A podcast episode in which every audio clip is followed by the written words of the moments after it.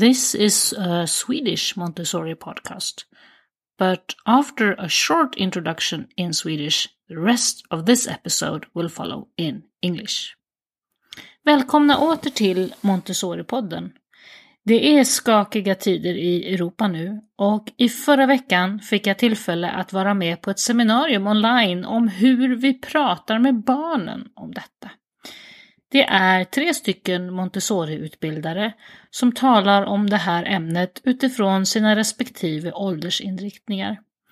Först 0 till 3, sedan 3 till 6 och till sist 6 till 12.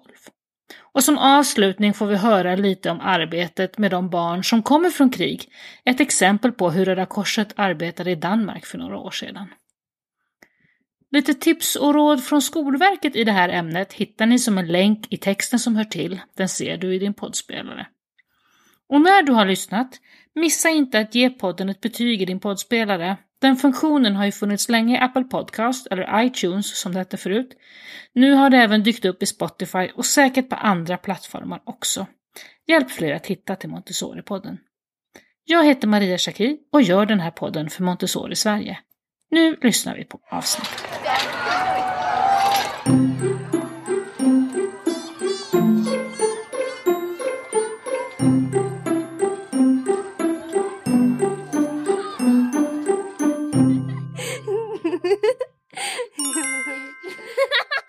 Welcome to our podcast, Thomas. Uh, hello. Hello, Maria. We are about to listen to a conversation session you had with Lead Montessori uh, last week, I think it was. But I thought our listeners would need some sort of context to to this talk. First of all, who are you and what is Lead Montessori? So I am Thomas and I work uh, at Lead Montessori for a few years already. Uh, it's going to be like five or six years by now. And uh, we at Lead Montessori mainly focus on helping and supporting leaders, Montessori leaders from all over the world. Lead Montessori was founded in 2018 uh, by Mirka Vlčková, who is the executive director in the training center Montessori Institute Prague. And uh, as I was saying, it is supporting Montessori leaders from all over the world. Uh, we have uh, started with holding annual conferences uh, here in Prague for leaders, uh, where leaders from all over uh, came and kind of were able to share their experience. And with leaders, you mean like heads of schools? Mostly, yeah. It's usually heads of schools, administrators, uh, founders of schools, or aspiring founders mm-hmm. most of the time. Because uh, as Mirka found out, it can be quite a lonely job uh, as a leader uh, in a position or in a leading position. And then she felt like that much more, many more people will be feeling this uh, this kind of loneliness, and hence we uh, she created uh, Lead Montessori platform for the conferences mainly uh, at that time. And what we we'll listen to now is a recording of something that is called a community conversation. What is that?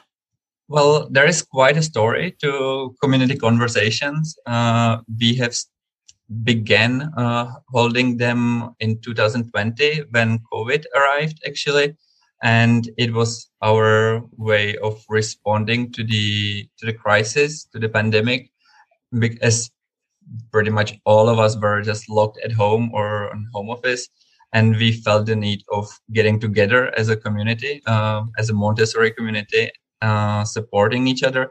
So we started with this format of uh, holding weekly sessions where we always invited some speaker uh, to talk on a particular painful or pressing topic uh, of, of the of the time. And people could have just joined whoever wanted. Uh, it was uh, always a public and free event uh, for everyone. So that's how they started uh, some two years ago with with with, the, with COVID. And all of them are available, I see, for free on your website, leadmontessori.com, right? Yes, uh, they are. Probably not all of them, because at the beginning we were just trying to figure out the online world and we're not really recording everything. But yet, I, I believe that now you can find a dozens of, of recordings there. And now, but now you really have the grip on it because when I participated last week, I noticed that you have simultaneous interpretation in several languages you can choose. And it seems that you have mastered the technology quite well by now. Yeah, we kind of had to adjust a lot. And also, most of the courses that we are having right now mm. are online and the conferences that we are having as well. So we are quite used to being on Zoom at this point. When we started the conversation last week, I think we were about 500 participants, but I saw at one point we were up till about 700 participants at the talk. Is that normal? Uh, it uh, we had a few conversations that were attended as much, but it's not as regular. Usually, we we have on regular basis when there is nothing too let's say concerning. Uh, we have around one to 200 people uh, live uh, at, at the conversation. So this was certainly a peak. And the topic then for, for the conversation we're about to hear was how to talk to children about what is happening. Then, of course, and happening is the war in Ukraine. How did that topic come about? Well, as the crisis kind of started unfolding uh, in Ukraine, we figured that we just need and should uh, again try to support uh, the Montessori mm. community in some way.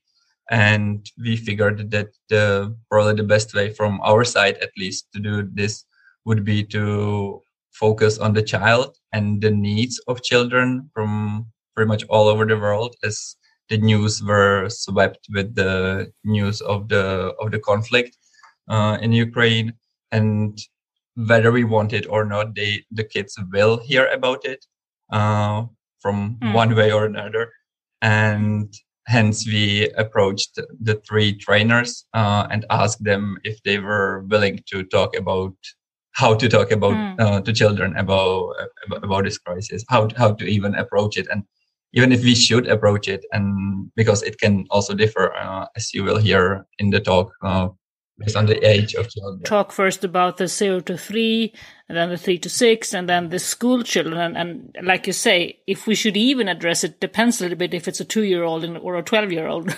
exactly, exactly.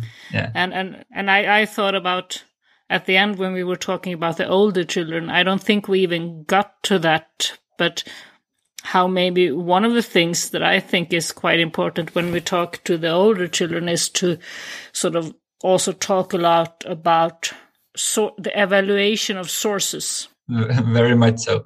And that is something we should talk to the children all the time, but probably even more so now. How do I know that information that I get? Because all the children, they are out about in the world and especially the digital world so with social media. How do I know what is true. Yeah exactly. And you know it's not just children struggling with this. Uh, it's all of us. Like every every single day that we are online we are encountering massive amount of information. And yeah, it's very difficult to say. It's more uh, pressing now than ever to to really teach the children the tools for evaluate sources yeah, and what's true or not. And there are very simple tricks and, and and really how to to teach them that.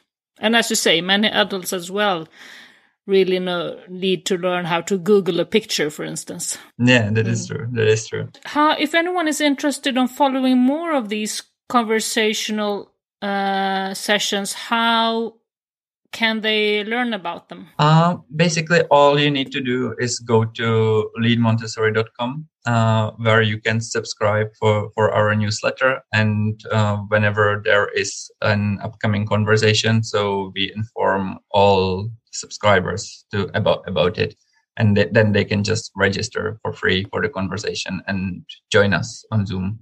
They this one this last conversation happened on wednesday but it was an exception because we wanted to make it as mm. soon as possible uh, but usually they take place on mm. thursday at 4 p.m. Uh, Central European time. Thank you, Thomas, for joining us today. And now we will listen to last week's uh, community conversation on how to talk to children about what is happening. Thank you very much for having us, Maria.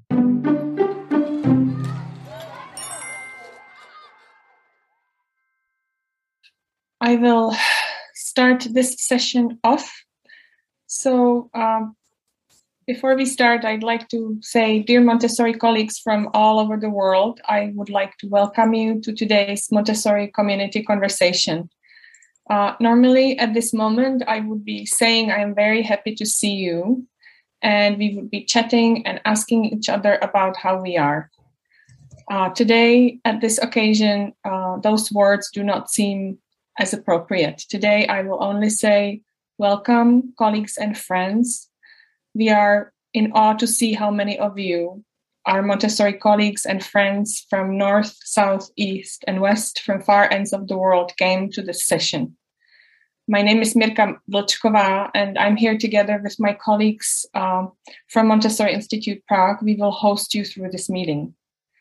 Uh, we at Montessori Institute Prague and at Lead Montessori and um, our dear colleagues, trainers, and speakers are very saddened by the crisis that is happening in the world as we speak. Maria Montessori wrote that establishing lasting peace is the work of education. So, as educators and as members of the global Montessori community, we are called to do something. Uh, we are called to help to make this world a better place. And that's why we are holding this meeting today. Today, in the midst of the war, which for some of you is happening directly where you live, and for some of us, it is happening right at our doorstep, we gather to do one thing. We gather to be a community, and we gather as a community to put the child in our center. You all know that for us Montessorians, the child is our shared purpose. And the child today is what we are going to focus on.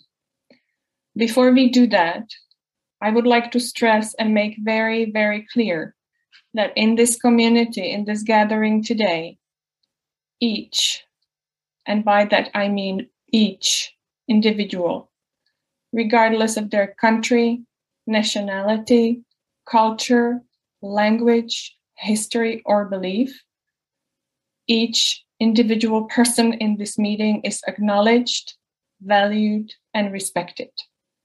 In this meeting today, we unite in the Montessori mission to support children of this world. I'll say it one more time. In this meeting today, we unite in the Montessori mission to support the children of this world. So before we start this meeting, I'm going to invite you to take a, a tiny moment to let those words sink in. We are here for the child. We are here united as a community. I would like to welcome our great speakers, four people who literally from one day to another, and one of them actually from one minute to the second, which really truly happened. We sent an email to one of the speakers, and she replied the minute after that and said, Yes, uh, I would like to welcome you and thank you for the time and for the courage uh, to do this for Montessori Global Community. So, welcome Tina Suominen, an AMI 0 to 3 trainer. Welcome Madlena Ulrich, an AMI 3 to 6 trainer. Welcome Carla Foster, an AMI 6 to 12 trainer. And welcome Dini Rebild from Denmark. Dini is the person who agreed from one minute to the next to join us. Dini worked and established a refugee camp in Copenhagen and or worked in a refugee camp in Copenhagen and that's why we invited her to be with us today. We felt that it was really really important and uh, useful to have someone with us who actually encountered the war trauma face to face. So, Tina Madlena Carla and Dini, thank you again for coming, for agreeing to be our speakers. We seek your guidance on how to speak to children about the war and about what is currently happening. Please share with us your words and your wisdom and your experience. The topic of today and the purpose of our community today is to gather around the child and to speak about how to support the child through the current crisis. Thank you. And Madlena, please go ahead. Thank you very much um, for actually giving me the word first. Um, actually, I think I would like to turn it over to Tina because Tina is also going to talk a little bit more about the um, parent and how the parent is involved in this um, and must be an important wor- um, part of us to be considered when we are um, talking with the children um, about crisis and about the current situation in the world, and when we're trying to reestablish um, a, a, peaceful environment for the children uh, that we are talking to. So, how about Tina? You go first, and then I will take over after you. Is that okay? Thank you. Sounds good. So, hello everyone. I'm talking very shortly, giving just, I think, some main points that we all should keep in our minds as we all are all working with children around us and with us. So, with this hard and sad situation, as we all all here together now, we are here to support each other, and we are here to support all children with and around us, of course. And we can support the families and teachers in our communities by giving them some guidance. How should we work? How should we word our feelings and things that we can all live in peace together? And we all need to stick together, no matter if our own opinions are the same or different. But it's important that we as adults really stick together for the benefit of the child the main goal is to build a better place, better world to children as a Montessori community altogether. All of us who are surrounded by children under age of three, as parents, as teachers, maybe as grandparents, or staff members of our on our schools, we really, really need make need to make sure that the little ones are not exposed to these news or any information that can harm them or their minds. That can easily happen through TV or internet or radio or newspaper pictures, for example. But we are the guardians of the safe, safe place for the children. We need to really pay attention when and where we are talking about this information that is coming in from everywhere around us nowadays. So that they really the little ones they really do not need to be here or see these things they are not ready for these these things as they are so young we also need to be concerned about what and where we are talking about these things we should try to stay calm and mindful and make sure we don't pass our own fears and doubts and ideas to the children, even we we will and we might have them.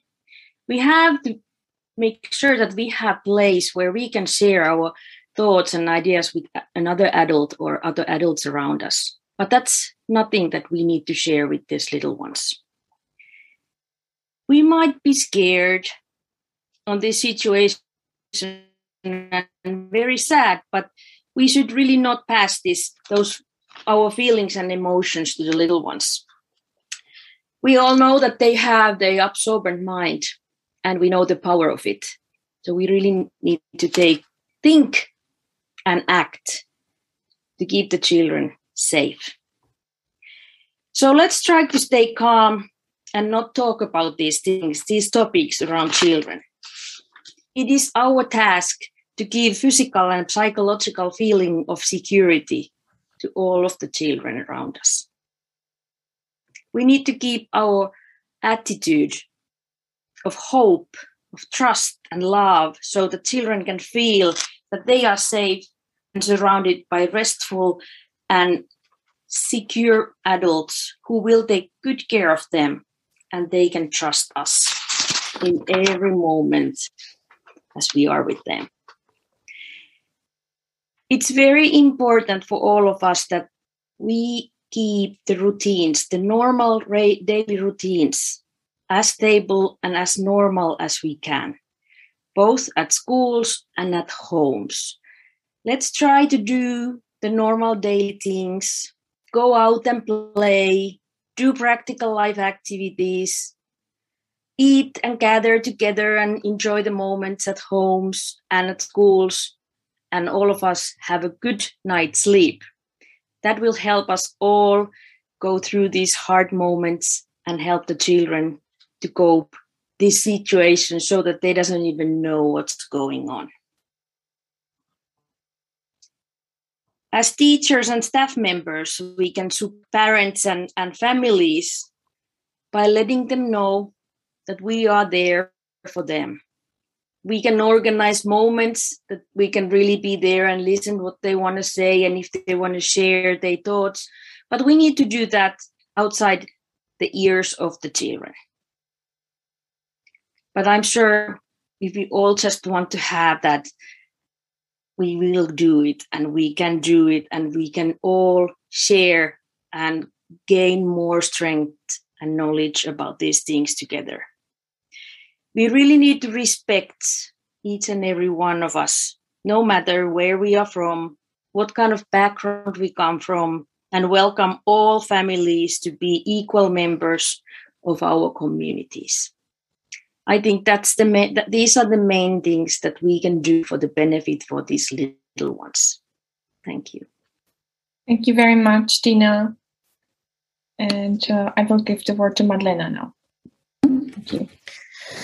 Thank you very much. And of course, as uh, Tina says, also our responsibilities as adults who are surrounding the three to six year old are very similar. Um, when Mirka first reached out to us, I don't even know how many days it was ago, but not many, um, to to join this, I, I was first in doubt because I thought, what do I know about crisis? Not really anything directly.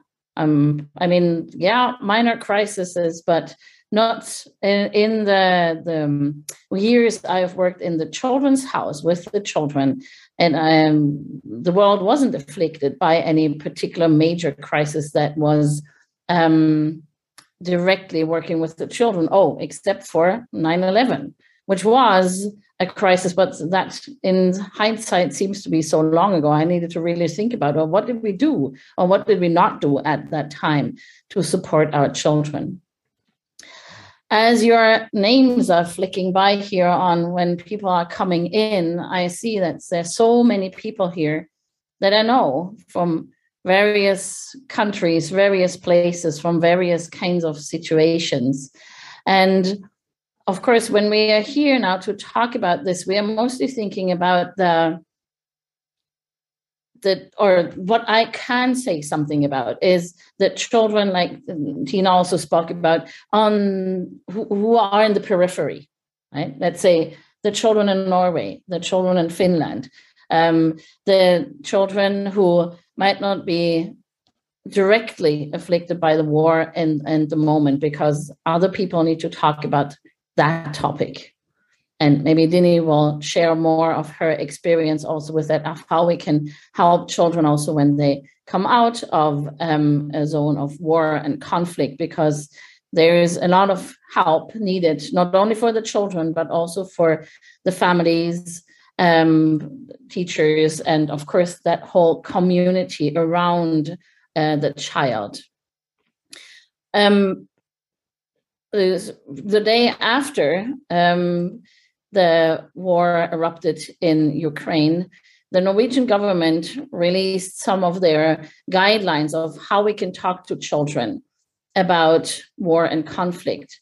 Um, it is not something that the Norwegian government necessarily has um, um, um, put together by themselves, but rather also something that builds on uh, the knowledge of um, associations like uh, UNICEF or the Red Cross and other uh, such kind of associations who work with children and families in conflict areas and um, with children afflicted by war.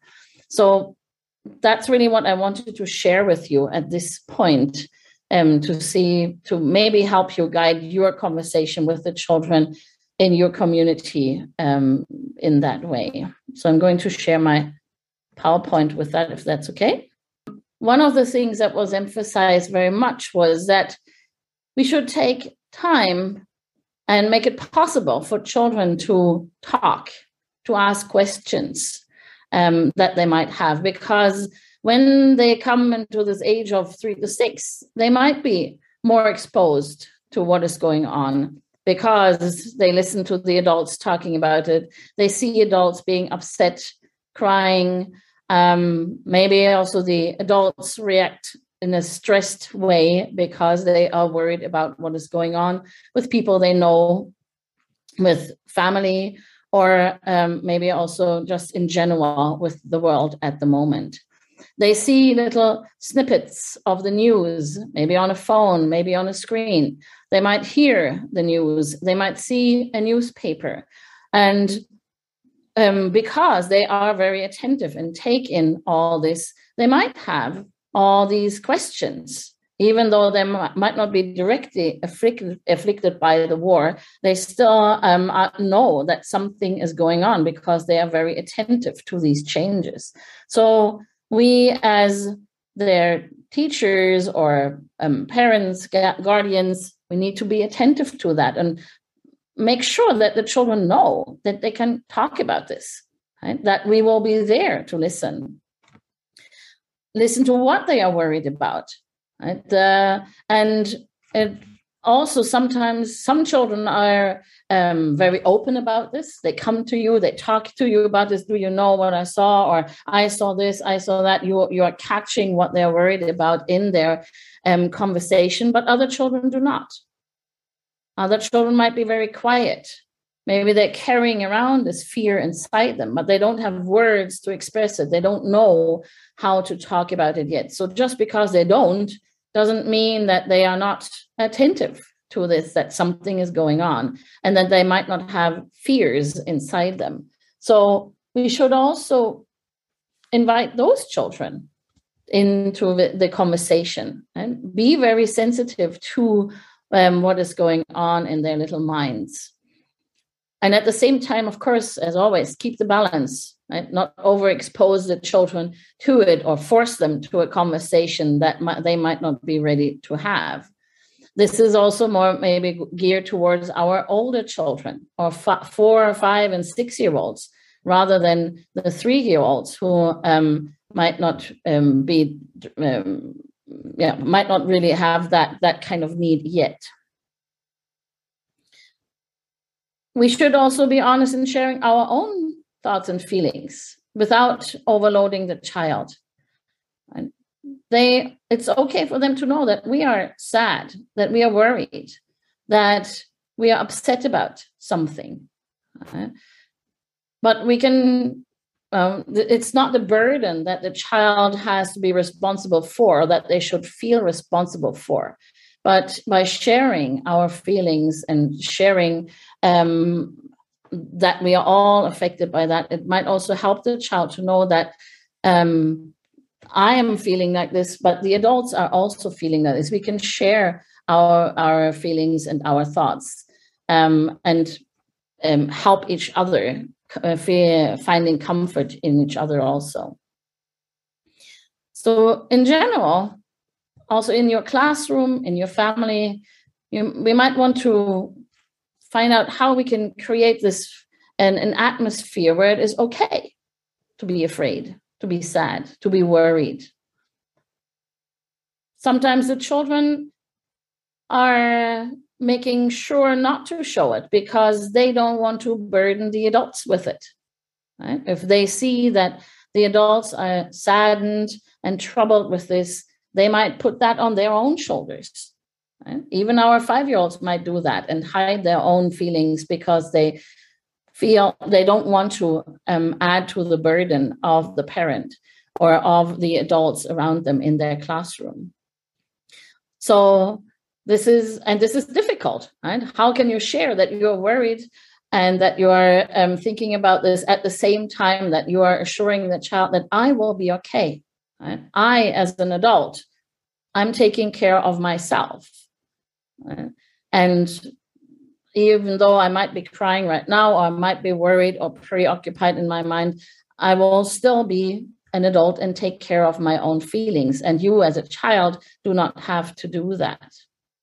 What is often difficult is that the children take in the news bits by bits, right? And as the news are these days, they're playing the same sequences over and over and over again. And you see the bombs being dropped, the towers falling, the fires erupting in morning and evening, often several times within the same five minutes. The children don't know whether this is something new each time or whether it is a repetition.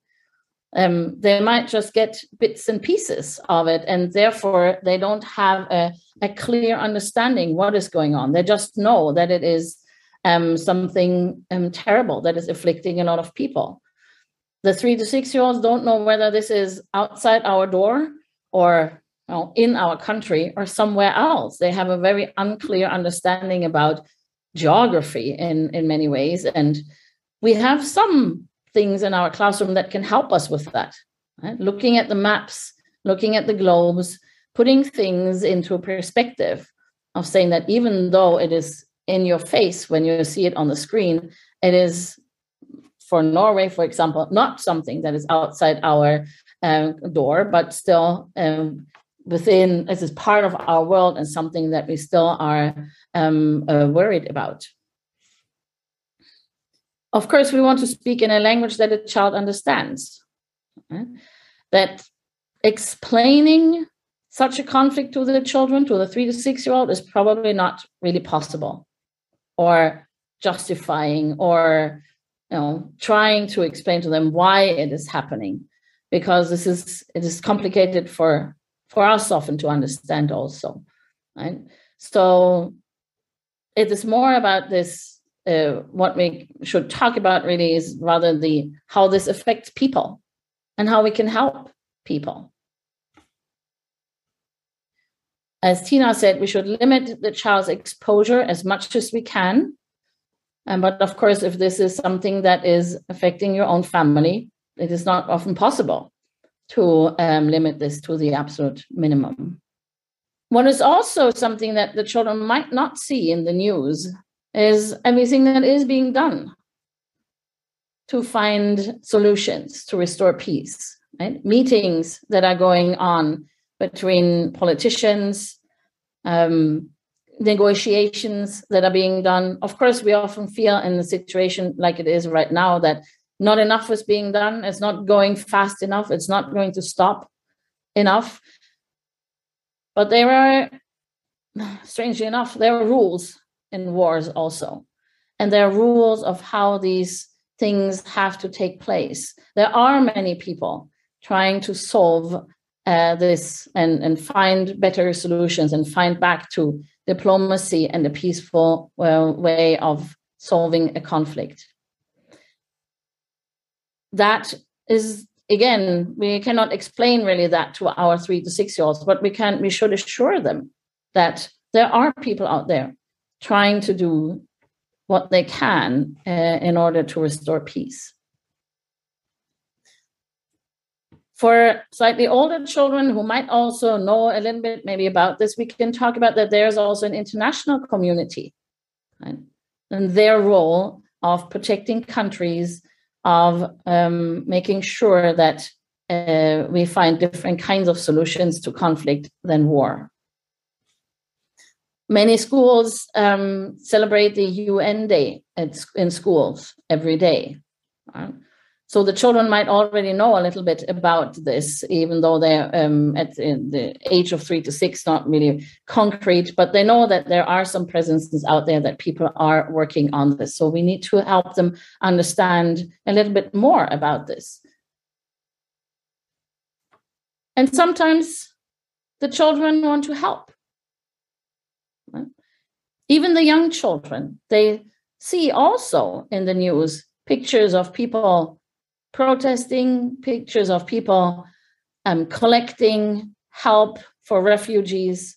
They might see directly uh, in the, where they live that refugees are arriving or being um, placed somewhere. And this is a way of how the children can maybe also overcome some of that fear by actually being actively involved and say, I can also do something about this. Maybe the school can do something. Uh, like uh, Mirka posted the other day here, information of how a school was doing a, a fundraiser through a breakfast, and the children raised a lot of money, which can then be sent to the appropriate NGOs and associations who are working with refugees and with children in war. It is, um, may, and or maybe there are other ways of doing something, right? We all feel like we should be doing something to help. And often we feel hopeless or we think that, oh, my little contribution, what is that? Nothing really to stop a conflict like this. But maybe it is just about going over to your neighbors and asking them how they are feeling, offering somebody some help, um, having a, a fundraiser, writing a petition, mm, it can be some small ways, it can be large ways, it can be political, it can be just uh, made in a private way. But I think it is also important that we um, uh, that we help and that we involve the children in this in whatever way it is appropriate for their age group. So, yeah, these are some of the thoughts I wanted to share um, for the people who are working with the children there out in the classrooms. So forth. Thank you. Thank you, Madalena. We do have some questions for you and for Tina, but let's first uh, uh, hear from Carla and then we'll look at the questions. Thank you. Hello, everybody. I feel very humbled. Um, I do not consider myself an expert on children in crisis or um, a- even able almost to process this whole time myself. Um, it is easy to feel uh, kind of weighed down by a sense of impending doom. And um, I think that that is perhaps natural. And at the same time, um, we do need to consider Montessori's um, call to us to work with our elementary children towards being able to build the Nazione Unica, not the uh, different nations of the world, but the united nation of humanity. And which mean which means we have to be calling on the children to examine us and our humanity.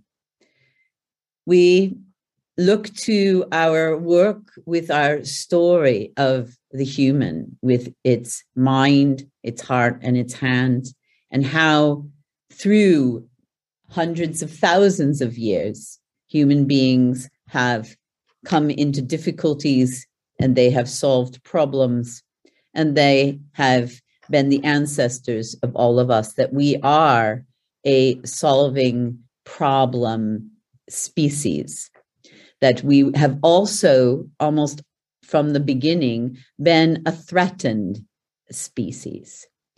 We have been threatened by the elements and we have been threatened by um, wild animals, for example, and sometimes even by each other. And we have two very different ways of dealing with threat. We can deal with threat by uh, defense and aggression. And we can deal with threat by finding our community and building strength within our community. And sometimes we must uh, face a threat with aggression, and sometimes we must rather build uh, community and find other solutions. For our elementary children, if we want to talk to them about that we have choices that we make, we have to think about the fact that culture and all the pride that we have in culture is not the same as nationalism. It is not the same as saying that um, we are better than anyone else. And that it is also not needing to be in agreement with a political system. So, pride of culture is completely separate. Uh, and and the children need to know that that the cultures do not necessarily need to be wrapped up in this conflict that it's not about necessarily us against them as cultures we also have to help the children think about extending their compassion um, their ability to be compassionate that suffering is something we want to try to alleviate in other people. So, our, especially our nine to 12 year olds often really do need to do something. They really do need to um, raise money or get, um, uh, find ways to support these international organizations.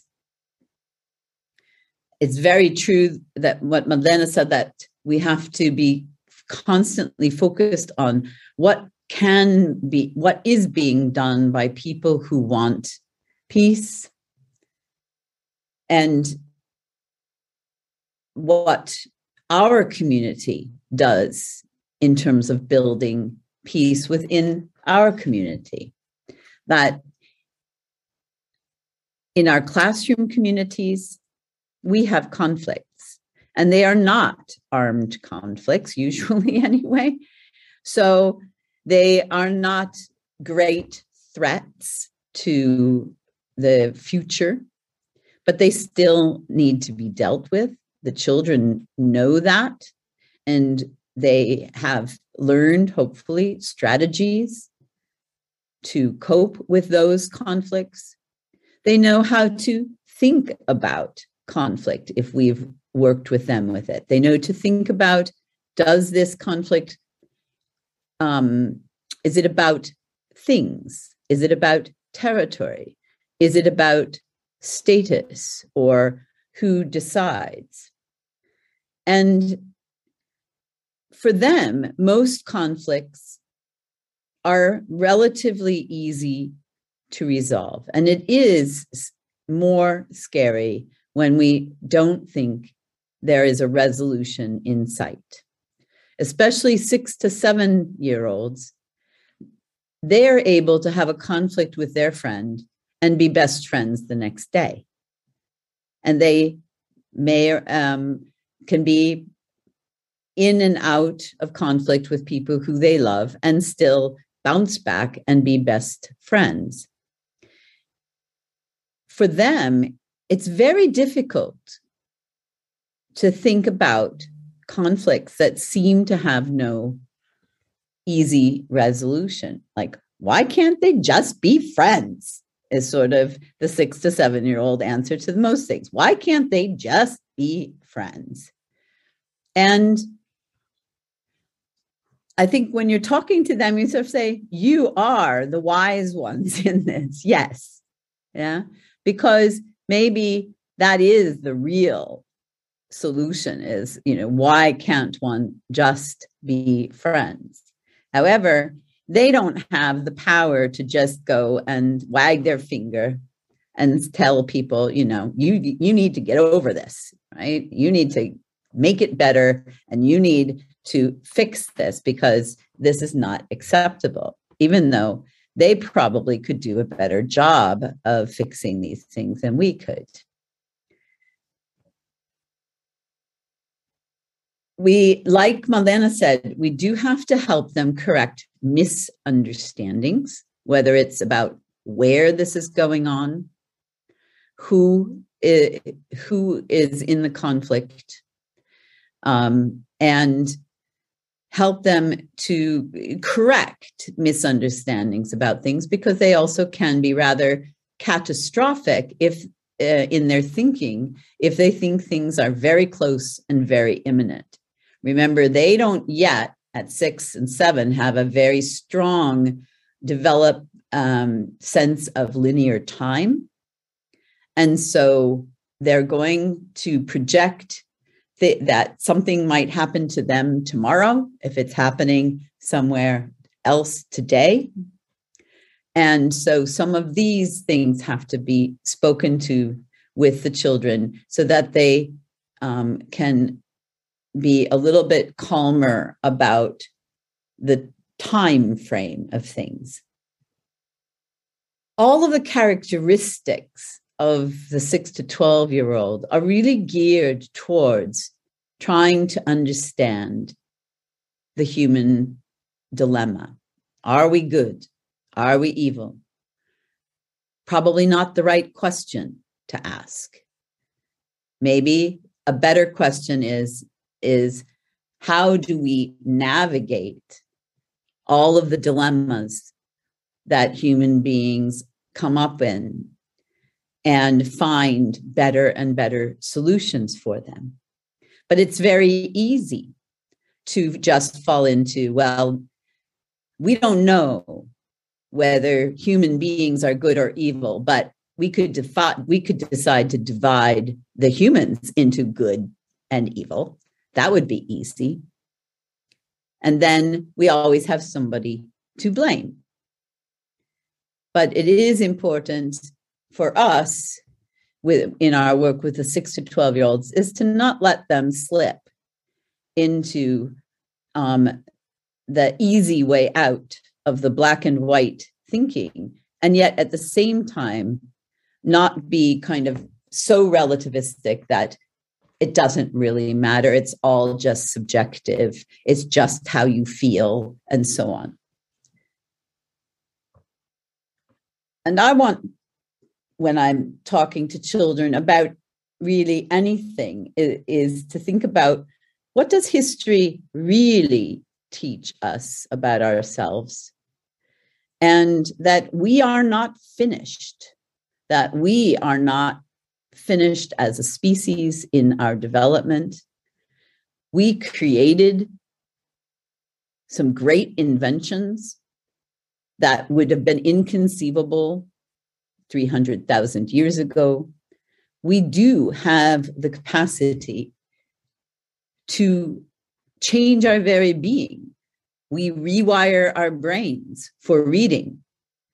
We can also perhaps rewire our brains for peace. Thank you. Thank you very much, Carla. And uh, I'd like to ask Dini if there's something that she has on her heart that she wants to share thank you for inviting me. Uh, I'm, I'm uh, very pleased to be with you. Um, I'm from Denmark and I worked in the refugee camp in uh, Copenhagen. Uh, not a camp, it's a refugee center in Copenhagen. And I think Madeleine very kindly said that I had set the whole thing up, but I hadn't. I, I uh, worked with the, the small children. Um, the camp had been, the Centre had been there for a long time, uh, taking refugees from all over the world. Um, and when I came, there were quite a quite a few refugees from yeah all over the world. And I started working with a small family, uh, three children, and mostly uh, I was supposed to look after little boy, the the youngest child. The eldest child was annoyed. He thought that I should not have anything to do with the family because he was the eldest boy. He was supposed to be looking after the family. He had this big, uh, what shall I say, sack mon- monkey on his back, on his shoulder. Uh, anyway, I started working with the little boy and I brought my Montessori rucksack into the into the center, and uh, the little boy and I had a lovely time together. And then the other parents with small children, uh, uh they got pretty uh, cross about it because um, why why should this family be allowed to have a person to help them and not and not us? They were all in need. So i very rashly said i can look after all the little children uh, before sort of reali- realizing that i didn't have a place where I, where there was water or where i could change their uh, diapers nappies so i sort of backed out a bit but then um, they found a place for us to be and um, we uh, and I worked with them.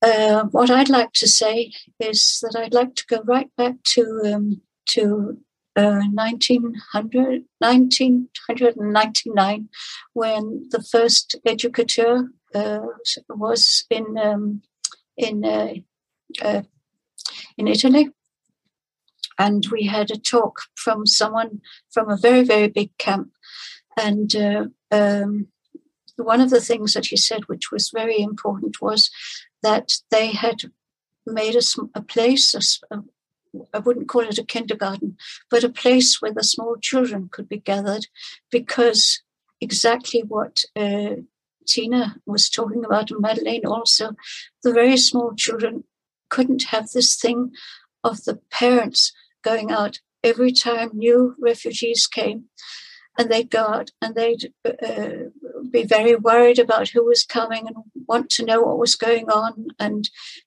and getting very very desperate and so this this uh, um, what should I call it the, the the guy who arranged everything in the camp uh, decided that there had to be a place for these small children to be so they didn't uh, see this every day this reoccurring event that I think a lot of you were talking about. Also, yeah, seeing things on the television again and again and again, um, thinking that maybe it was new things all the time. It was actually new things all the time, yeah, every day. Uh, and then the other thing I want to say about that was that um, the the teenagers, maybe a little older than uh, 12, the 6 to 12s, but the older ones, they were intent on helping and how could they help and the, the organizers needed needed uh, blankets for the uh, for people that were coming in. And these children said or these young people said we can easily do that. We'll go around see if people have an extra blanket they can give. So they did that. And um, it wasn't stealing or anything. It was just getting you know finding um, blankets that could be used for other people inside the camp. Um, not, not you know, not as others donating things, but inside the camp there were people that were able to give each other things. I just wanted to share that with you. So, um, as I said, I worked at the Red Cross Center. I worked there for five years, and um, I had this small group of children. And in the beginning, I was alone with five children. But the more children that came, uh, I needed um, at least one more person to help me. Um, it was very, uh, what shall I say? I don't think they'd ever had anything like that in Red Cross before. They they didn't have anything for small children. They only had uh, for for children from the age of six. Uh, nonsense from the age of three to six. So um, people donated chairs and and tables and shelves to me. And, and also there were people who donated Montessori materials. So we got on. Um, we never knew how many children that were coming in the morning. Um, some we knew how many children that were supposed to be with us, but um, sometimes some of them didn't turn up, and we'd have to go out and find out where they were and bring them back with us. And um, sometimes things got very, what shall I say, hot in the, the at the uh, at the center. Um, maybe there was a father or a mother who, yeah, who who had some difficulties um, and and behaved very wildly, So um, they would the, the all the children, the teenagers, the, the young children, and the baby, and us, uh, we all locked ourselves into this uh, into the kindergarten rooms uh, so that the children would be safe. Um, every day, um, this is a sort of a Red Cross thing. Every day we were told nonsense. We were told that every day we should be the same. We should be the same people that always welcomed our children and our parents into the room.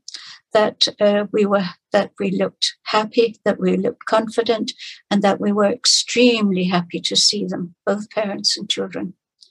Um, so our own worries and whatever, they were supposed to be left at home or on the bus out to the centre. So, and it was easy actually to be to be um, to be happy with these children, um, even though we knew many of the things that uh, that had happened to them were were not, yeah, they were not good. Um, thing, another thing that was extremely important for these small children was that the daily routine was the same. So I would go, I would be very Montessori and go in uh, thinking, now this child needs this, that child needs that, and uh, hopefully the day would be would be so that we could do our, our routine, have our routine day and do our Montessori work, eat together, sing together, um, speak together. That's another thing. There were so many different languages. So we decided to speak Danish with the children because we were hoping that they would have. Uh, when you think of negative, when you think of COVID, you think of you want negative and not positive, but these people wanted positive. So um, that's what we we uh, talked with the parents about and what and their hopes and whatever. And with the children we talked and sang sang and whatever in danish um, using sometimes using not very many words sometimes using our hands you know beckoning come dear come to me and so forth. So um, and anyway they were in their sensitive period for language so very quickly, these small children learned a lot of Danish. Um, yeah, I've talked about it being a safe place. Another thing was um, music and uh, yeah, music and singing and um, going going for good long walks. And we were lucky that the center was right out in the in uh, in the middle of nature. The parents were not too pleased about it. That meant that they could, they had to take the bus to go in and buy food and stuff. But it was good for the children because there were woods and there were sandy places and there were uh, the beach and the water and um, so forth. So there were many different um, experiences for them. Um, also, experiences of the insects, the birds, the animals, whatever there was around, which meant a lot um, for them. And um, yeah, the uh, all three trainers have been in um, around the thing about answering the children what they, they want to know.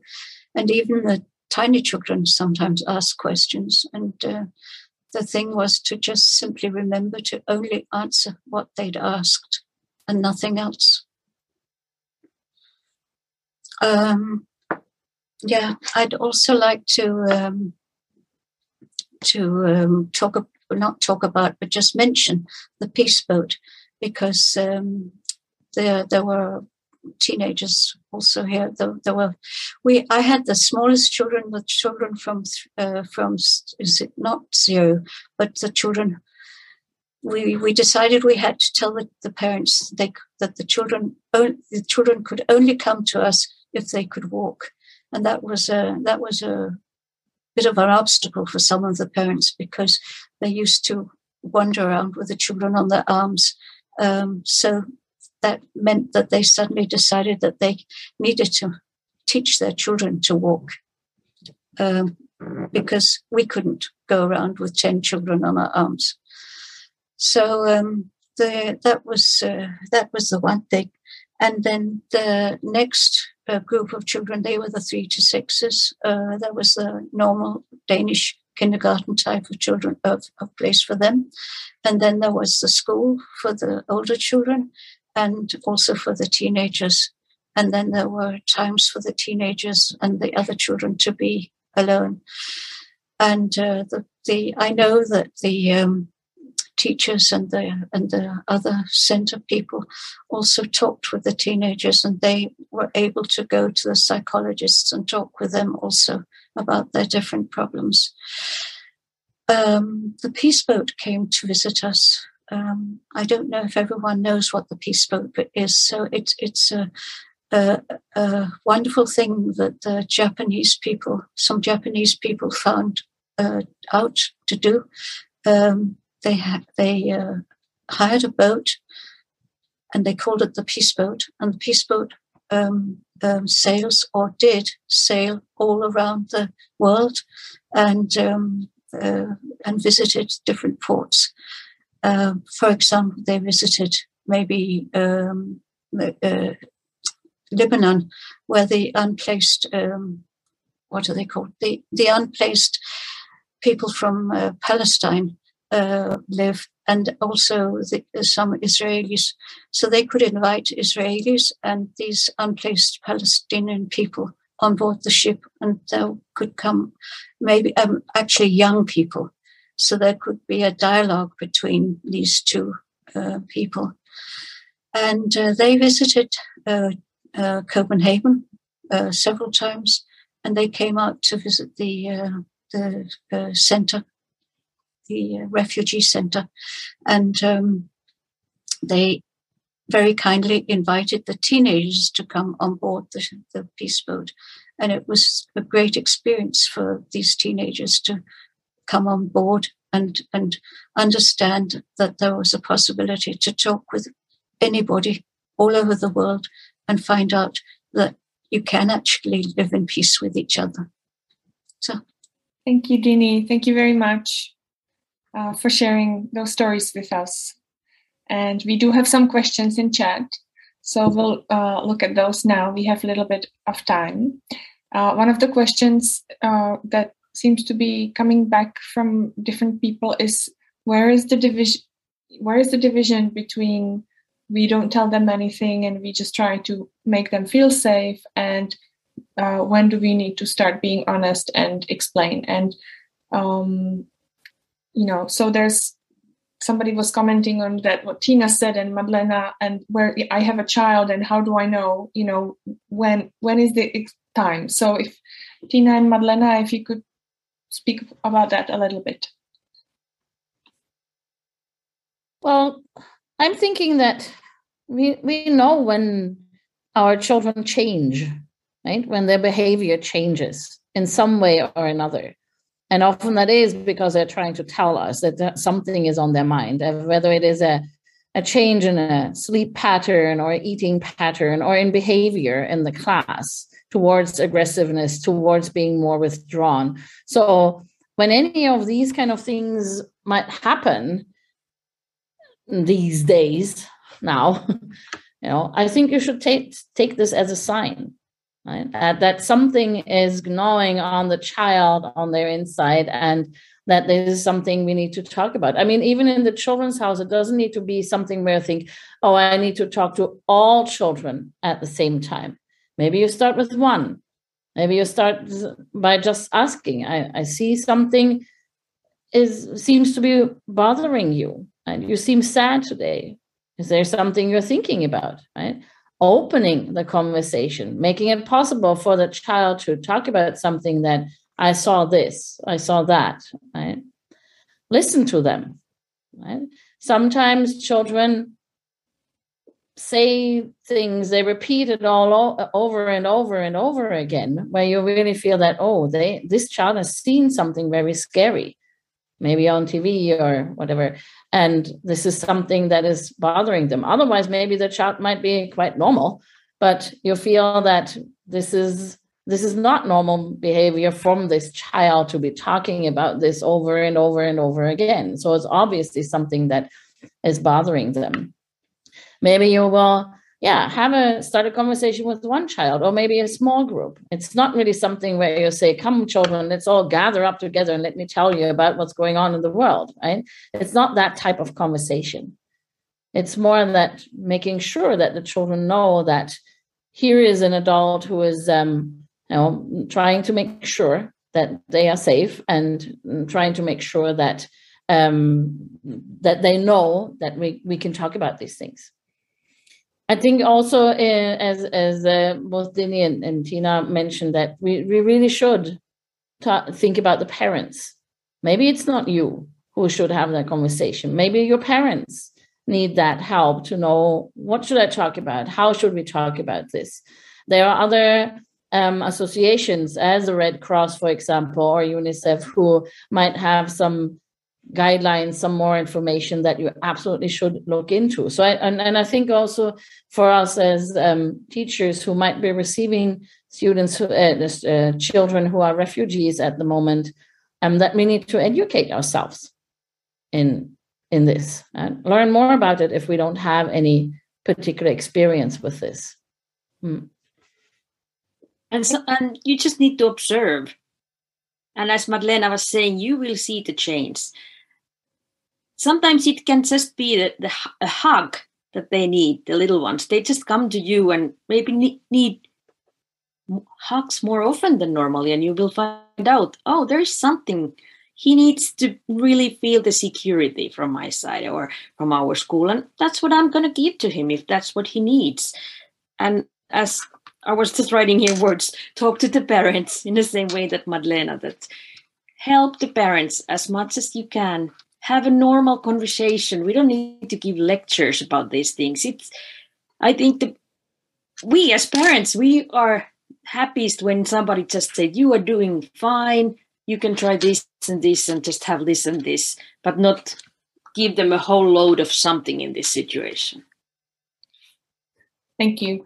One of the things that uh, I can see in the chat, uh, people are asking, how do we stay calm and balanced when we are scared ourselves. How do we you know how do we help the child feel safe when we don't feel safe? And i don't know if there's a way to answer that. I think all of us have, might have different things to calm ourselves down some of us will go and have a walk in the forest as Dini was talking. Some of us maybe wants to have some mindfulness moments or do a do some workouts, whatever is the best for you to put you in balance. I think that's the best thing you can do for your child. Yes, and maybe find a community of people who are struggling with the same, uh, that you can support each other. Thank you. There's a question uh, also, I will read it. Uh, what to do with the child, let's say of the age of six, when they start behaving like a child of the age of four? When you observe their regress because of the stress they had after hearing explosions and after having to run to the shelter and spending days in there. What to do? And maybe Dini could address that. I guess. Have, no. I think it's extremely difficult to to to uh, to address. Um, I know that uh, many of our children were very um, stressed. Uh, um, I remember one little girl who had been through an enormous amount of, of um, yeah, uh, problems, uh, seeing her mother, seeing something awful happen to her mother, seeing something awful happen to her father, and so forth. Um, and she was, um, she she was a, what I what we saw with her was that she she always had her, her oh, I don't know what you call it in English, the dummy, the, the, the yeah, um, in her mouth. Uh, no, it wasn't actually. It was a bottle, a bottle of milk which she walked around with, and then she always held it up to her to her mouth. So that meant that at least she couldn't talk, and it also meant we sort of couldn't get near her. Um, and uh, it was at the center there was a large kitchen where everyone it was a community kitchen. There was no kitchen in the, each little flat. So uh, everyone made their food in the community kitchen. And what would happen uh, often was that there would be accidents. And this child was extremely accident prone. And um, so when we got her at the school she um, she didn't speak. She didn't she never smiled. She never she was just yeah she was shell shocked that's i guess that's what i can say about her. But we sort of we treated her like we treated the other children and you know welcomed her into the school every day and was like she began to feel safer there and uh, began to eat her food and um, eventually took the bottle away from her mouth and put it put it on the table. and um, I, why I'm laughing a little bit was that at one point, uh, when she'd been with us for quite a long time, she um, she pushed the bottle over to me as if she was saying, "Dini, take it. I don't need it anymore." Um, but yeah, it, it for me it was extraordinary actually it makes me think of when when the children in um, in Italy, the children with the uh, um, uh, with the earthquake in Italy, they they um, at Montessori's own time, they were taken in by some nuns.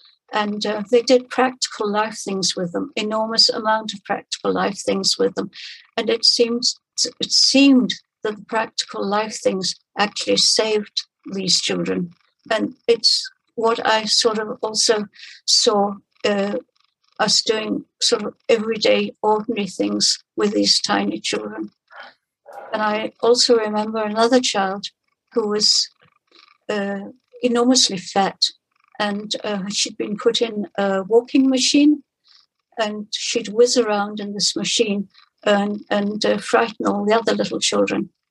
So she came along too, and she couldn't do anything because she'd been in that machine all the time. So she couldn't walk and she couldn't, yeah, she just couldn't do anything other than that. And she was also very, uh, also a very grim look on her face all the time, never smiling. And um, actually, when she got out of the machine and it was easy and it was easier for her to move around, she'd start biting the other children.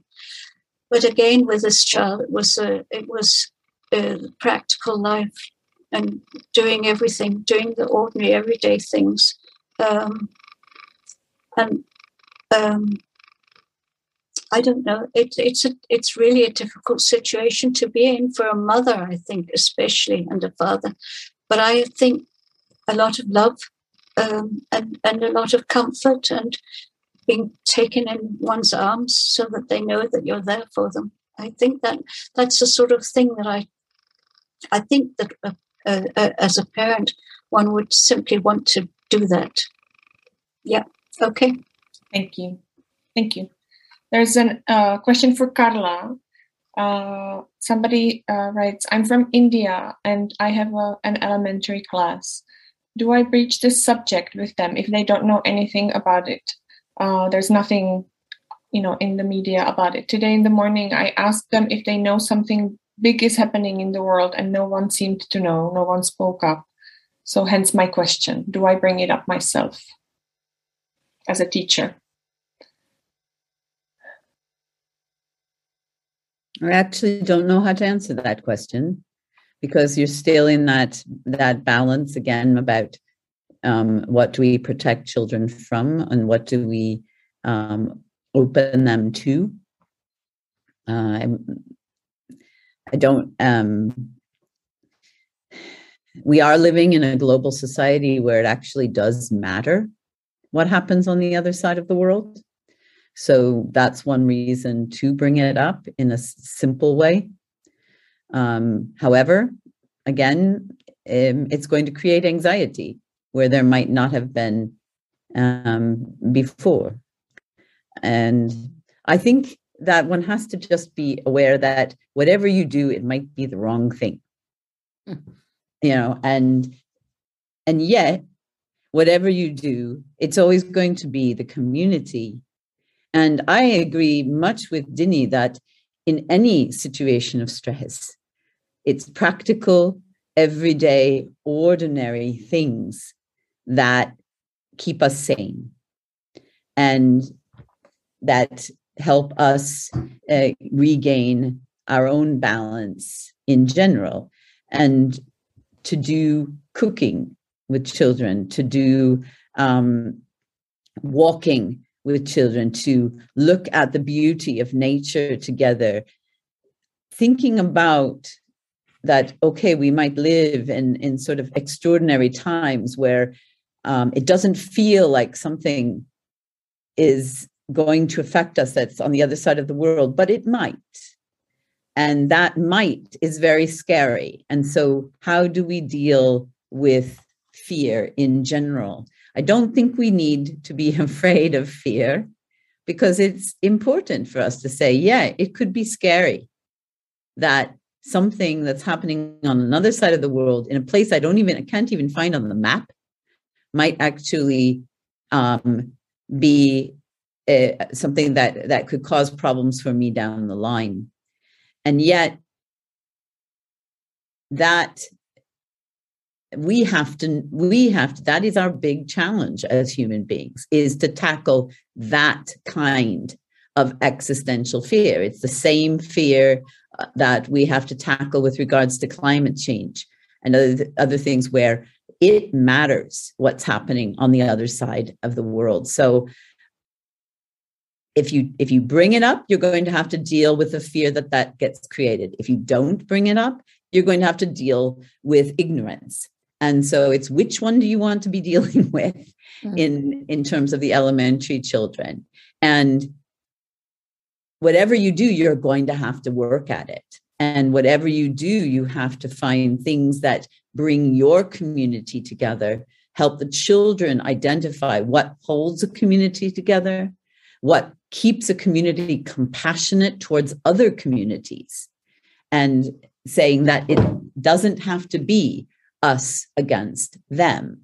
And that I think you are going to have to deal with at some point, even if you don't deal with it with this particular conflict, there's going to be another conflict closer to home where you are going to have to deal with it.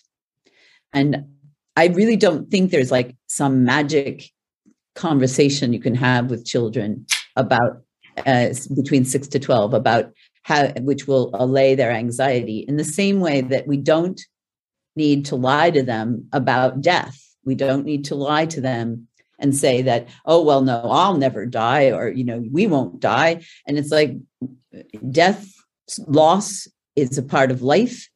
And how do we deal with it? We deal with it together. And that is the only thing that has kept us going through the thousands of years of problems that we've met as a species. Madlena, do you want to add something? Um, yes, I would just like to add to what Denise said also that, um, of course, there will be traumatized children, traumatized adults, traumatized people in the aftermath of a conflict, of a war like this. Um, and I think when you're in the middle of it, there's nothing much you can do but to stay sane, to stay safe as much as you can, and to you know accept the fact that you will change, your children will change, your surroundings will change because it is unbearable for human beings. Um, the only thing that we you know can say something about is that what can we do with our communities that are not in the middle of this there are other people who are more specialists about how do we help traumatized children and families. Um, what little I have had time to read on this topic uh, at the moment is also that it is a multi-layered um, approach that one should have in the end, right? It's not just about helping this particular child, but also the child, the family, the school, the teacher, the community. Everybody needs at some point to be part of this healing process. Some more direct, some more intensive, some more remote. Um, but that will be down the line.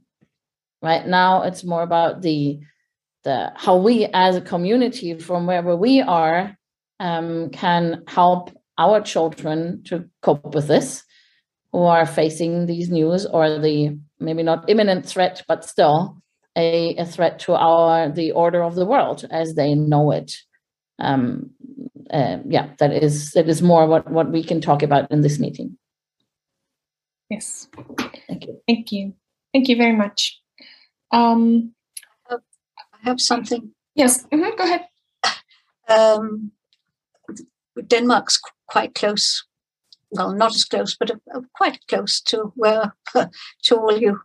Um, and some of the some Danish children, uh, I think they're around 10, 12 maybe, uh, dealing with this everyday problem um, by seeing by actually following where the troops are going and what's happening in, in the country. Uh, that seems to be a help for them to to to see what's going on. I don't know, but it might it might be a sort of a, a help in some way that one knows as a as a twelve year old or maybe even older what what is actually going on. Yep. And I think with this, we want to close today. Uh, uh, Carla said something that really stuck with me at the beginning when she talked. And she said there are two ways to deal with this either defense aggression or stick together as a community. Find your community and stick it together, stick through it together. Uh, and I think we've, I, I hope that today this session was a little bit about being a community and trying to stick through this together. I hope that you leave with feeling a, a bit more, a bit supported and loved and uh, knowing that there are other people around the globe who are in a similar situation uh, st- struggling with this and also being afraid and trying to make some sense out of this. So thank you for coming today and thank you uh, every one of our speakers. Thank you so much for being willing to do this. I will close with a quote from maria montessori if salvation and help are to come it is from the child. For the child is the constructor of man and of society. The child is endowed with an inner power which can guide us to a more enlightened future.